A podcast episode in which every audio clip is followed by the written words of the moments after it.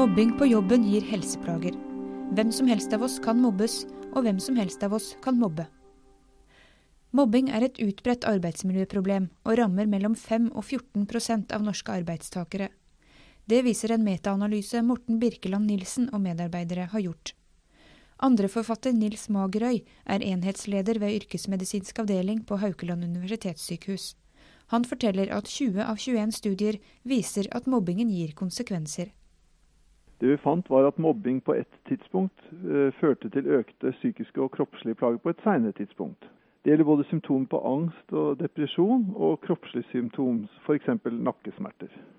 Men tverrsnittstudier der folk blir spurt én gang, gir ikke svar på om det var mobbingen eller helseproblemene som kom først, skriver Atle Fretheim på lederplass.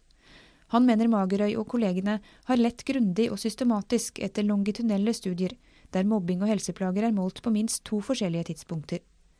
Magerøy forteller at det likevel er uklart hva som kommer først, mobbingen eller helseproblemene. Mobbing på ett tidspunkt viser seg å gi mer helseplager seinere. Men en del av studiene viser det motsatte. At eh, helseplagene på et tidspunkt gir mer mobbing seinere. Tolkningen av det siste kan være at den som sliter helsemessig, blir mer utsatt for mobbing. Kanskje pga. irritasjon eh, fra kolleger eller leder pga. sykefravær og redusert ytelse. Mens en alternativ tolkning kan være at dersom man er nedfor, vil en lettere tolke handlinger negativt, som, og som mobbing. Jeg vil tro at begge disse forholdene kan gjelde, men et endelig svar på dette spørsmålet kunne ikke studien vår gi. Derimot så viser en fersk tysk studie at pasienter i allmennpraksis som rapporterte om mobbing for første gang, hadde betydelig større forekomst av sykdom året før sammenlignet med de som ikke rapporterte om mobbing.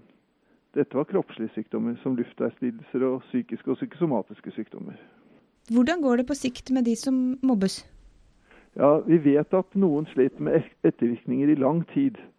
I denne studien som vi har sett på, så var det jo tidsintervallene fra et halvt år til syv og et halvt år. Og en ny norsk studie som nettopp er publisert, da hadde man fulgt personene inntil fem år fram i tid. Og da hadde de større risiko for å oppleve depresjon og andre mentale helseproblemer. Og de er, samme personer er også større grad utstøtt fra arbeidslivet, med, som gjelder sykefravær, uføretrygd og være uten jobb. Noen er fortsatt mobbet mange år seinere, mens de fleste er det ikke. Og Vi ser også fra Norge at det, det ser ut til at de fleste blir i jobben, selv om mange tenker på at de vil slutte. Med begrepet mobbing menes en situasjon der en person gjentatte ganger over tid utsettes for negative handlinger fra en eller flere andre i arbeidsmiljøet, og som ens kolleger ikke blir utsatt for. Det kan være baksnakkelse, urimelige tidsfrister, neglisjering. Og man må ha vanskeligheter med å forsvare seg mot handlingene. Og de må f.eks. foregå over en periode. Vanligvis så sier man seks måneder. Det dreier seg altså ikke om enkeltepisoder eller konflikter mellom likeverdige parter. I forskningslitteraturen skilles det mellom direkte og indirekte, og personrelatert og arbeidsrelatert mobbing. Vi snakker gjerne om direkte mobbing, f.eks. som at man blir skjelt ut eller latterliggjort eh, mens andre hører på eller indirekte ved baksnakkelse og utfrysing. Så bruker man også begrep som personrelatert mobbing når det er din person som blir krenket, f.eks. om man blir kritisert eh, på jobben for noe som gjelder ens privatliv. Mens arbeidsrelatert mobbing gjelder f.eks. å ikke få tilgang på nødvendig informasjon for å utføre jobben, eller bli satt til oppgaver under kompetansenivået en har. Selv om arbeidstakere med helseproblemer er noe mer utsatt enn andre, kan mobbing ramme hvem som helst av oss. Hvem som helst av oss kan dessuten være mobbere selv. De som mobber, ja, de er som deg og meg.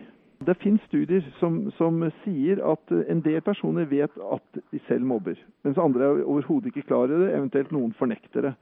Det som også er interessant, er at faktisk en 20-25 som forteller at de er, er mobbet eller blir mobbet, selv sier at de sjøl har mobbet tidligere.